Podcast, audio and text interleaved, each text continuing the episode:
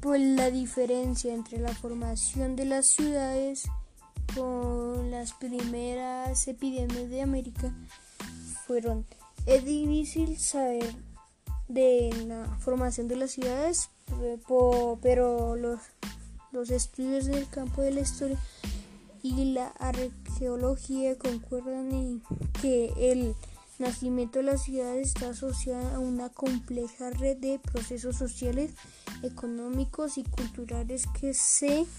retroalimentan para formar asentamientos, poblaciones de alta concentración, población alta. O sea, están diciendo que por, por red se hacían las ciudades y, hablando por la parte de, de la epidemia, pues fue como casi como la misma la misma que la, el mismo tiempo que hicieron la ciudad